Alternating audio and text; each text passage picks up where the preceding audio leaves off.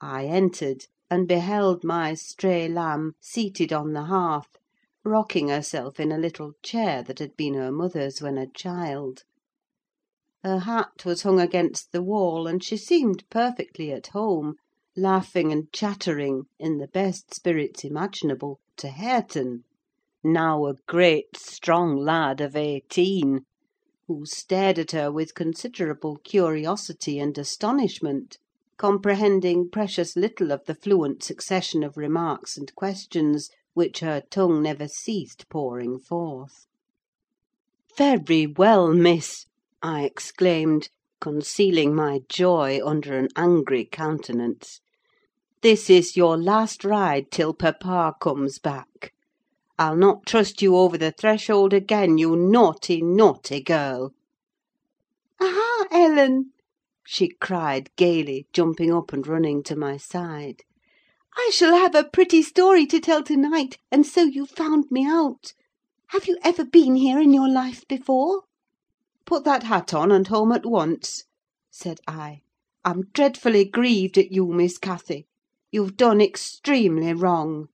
It's no use pouting and crying: that won't repay the trouble I've had scouring the country after you. To think how Mr. Linton charged me to keep you in, and you stealing off so! It shows you are a cunning little fox, and nobody will put faith in you any more." "What have I done?" sobbed she, instantly checked. "Papa charged me nothing: he'll not scold me, Ellen: he's never cross like you."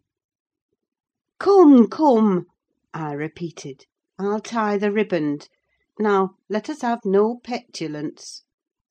Oh, for shame! you thirteen years old, and such a baby!"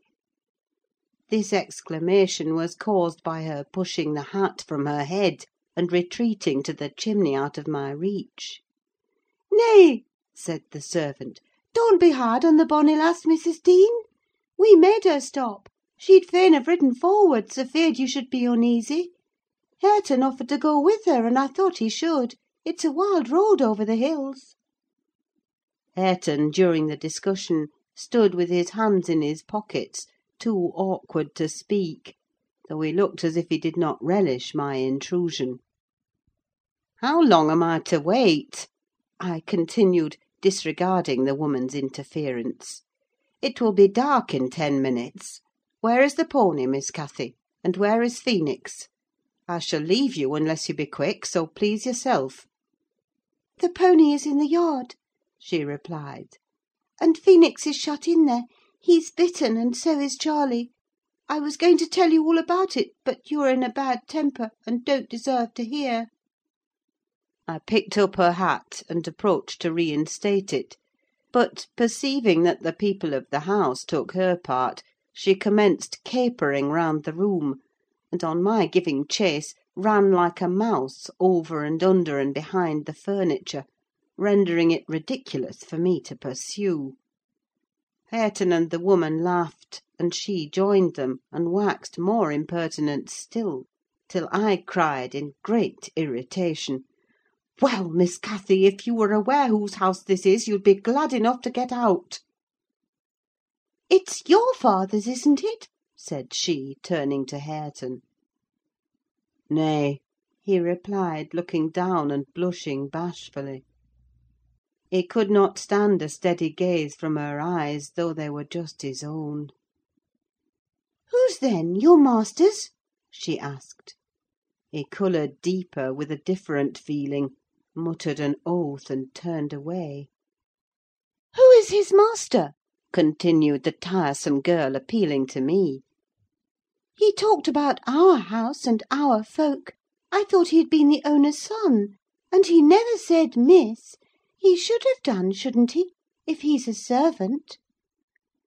Hareton grew black as a thunder cloud at this childish speech. I silently shook my questioner, and at last succeeded in equipping her for departure. "Now get my horse," she said, addressing her unknown kinsman as she would one of the stable boys at the Grange. "And you may come with me. I want to see where the goblin hunter rises in the marsh, and to hear about the fairishes, as you call them. But make haste. What's the matter? Get my horse, I say." "I'll see thee damned before I be thy servant!" growled the lad. "You'll see me what?" asked Catherine, in surprise. "Damned, thou saucy witch!" he replied. "There, Miss Cathy, you see you have got into pretty company," I interposed. "Nice words to be used to a young lady! Pray don't begin to dispute with him. Come, let us seek for Minny ourselves, and be gone." "But, Ellen!" cried she, staring fixed in astonishment. "How dare he speak so to me? Mustn't he be made to do as I ask him? You wicked creature, I shall tell papa what you said. Now then!" Hareton did not appear to feel this threat, so the tears sprang into her eyes with indignation. "You bring the pony," she exclaimed, turning to the woman, "and let my dog free this moment." "Softly, miss," answered she addressed. "You'll lose nothing by being civil. Though Mr. Hareton, there, be not the master's son, he's your cousin, and I was never hired to serve you." "He my cousin!" cried Cathy, with a scornful laugh. "Yes, indeed!" responded her reprover. "Oh, Ellen, don't let them say such things!" she pursued, in great trouble. "Papa is gone to fetch my cousin from London. My cousin is a gentleman's son. That my—" She stopped, and wept outright, upset at the bare notion of relationship with such a clown. "Hush, hush!" I whispered. People can have many cousins, and of all sorts, Miss Cathy, without being any the worse for it; only they needn't keep their company if they be disagreeable and bad." "He's not, he's not my cousin, Ellen," she went on, gathering fresh grief from reflection, and flinging herself into my arms for refuge from the idea. I was much vexed at her and the servant for their mutual revelations, having no doubt of Linton's approaching arrival, communicated by the former, being reported to Mr. Heathcliff, and feeling as confident that Catherine's first thought on her father's return would be to seek an explanation of the latter's assertion concerning her rude bred kindred. Hareton, recovering from his disgust at being taken for a servant, seemed moved by her distress; and having fetched the pony round to the door, he took, to propitiate her, a fine crooked legged terrier whelp from the kennel, and putting it into her hand, bid her whist, for he meant naught. Pausing in her lamentations, she surveyed him with a glance of awe and horror, then burst forth anew. I could scarcely refrain from smiling at this antipathy to the poor fellow, who was a well made, athletic youth, good looking in features, and stout and healthy, but attired in garments befitting his daily occupations of working on the farm, and lounging among the moors after rabbits and game.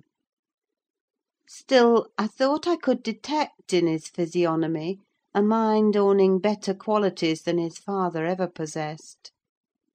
Good things lost amid a wilderness of weeds, to be sure, whose rankness far overtopped their neglected growth; yet, notwithstanding, evidence of a wealthy soil, that might yield luxuriant crops under other and favourable circumstances. Mr. Heathcliff, I believe, had not treated him physically ill, thanks to his fearless nature, which offered no temptation to that course of oppression. He had none of the timid susceptibility that would have given zest to ill treatment in Heathcliff's judgment. He appeared to have bent his malevolence on making him a brute. He was never taught to read or write, never rebuked for any bad habit which did not annoy his keeper; never led a single step towards virtue, or guarded by a single precept against vice. And, from what I heard, Joseph contributed much to his deterioration by a narrow minded partiality, which prompted him to flatter and pet him as a boy, because he was the head of the old family; and as he had been in the habit of accusing Catherine Earnshaw and Heathcliff, when children, of putting the master past his patience, and compelling him to seek solace in drink by what he termed their "offald ways," so at present he laid the whole burden of Hareton's faults on the shoulders of the usurper of his property. If the lad swore, he wouldn't correct him, nor however culpably he behaved. It gave Joseph satisfaction, apparently, to watch him go the worst lengths: he allowed that the lad was ruined, that his soul was abandoned to perdition; but then he reflected that Heathcliff must answer for it. Hareton's blood would be required at his hands, and there lay immense consolation in that thought. Joseph had instilled into him a pride of name and of his lineage. He would, had he dared, have fostered hate between him and the present owner of the Heights; but his dread of that owner amounted to superstition, and he confined his feelings regarding him to muttered innuendoes and private comminations. I don't pretend to be intimately acquainted with the mode of living customary in those days at Wuthering Heights. I only speak from hearsay, for I saw little. The villagers affirmed Mr. Heathcliff was "near," and a cruel, hard landlord to his tenants; but the house inside had regained its ancient aspect of comfort under female management, and the scenes of riot, common in Hindley's time, were not now enacted within its walls. The master was too gloomy to seek companionship with any people, good or bad; and he is yet. This, however, is not making progress with my story.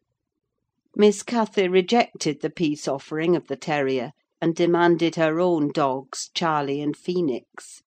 They came limping and hanging their heads, and we set out for home, sadly out of sorts, every one of us. I could not wring from my little lady how she had spent the day, except that, as I supposed, the goal of her pilgrimage was Penistone Crags; and she arrived without adventure to the gate of the farmhouse, when Hareton happened to issue forth, attended by some canine followers, who attacked her train. They had a smart battle before their owners could separate them. That formed an introduction. Catherine told Hareton who she was, and where she was going, and asked him to show her the way, finally beguiling him to accompany her. He opened the mysteries of the fairy cave, and twenty other queer places; but, being in disgrace, I was not favoured with a description of the interesting objects she saw. I could gather, however, that her guide had been a favourite, till she hurt his feelings by addressing him as a servant; and Heathcliff's housekeeper hurt hers by calling him her cousin. Then the language he had held to her rankled in her heart. She, who was always love, and darling, and queen, and angel, with everybody at the Grange, to be insulted so shockingly by a stranger! She did not comprehend it; and hard work I had to obtain a promise that she would not lay the grievance before her father.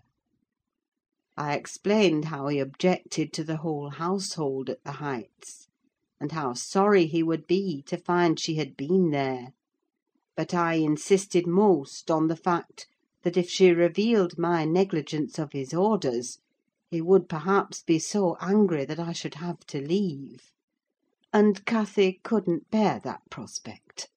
She pledged her word, and kept it, for my sake. After all, she was a sweet little girl.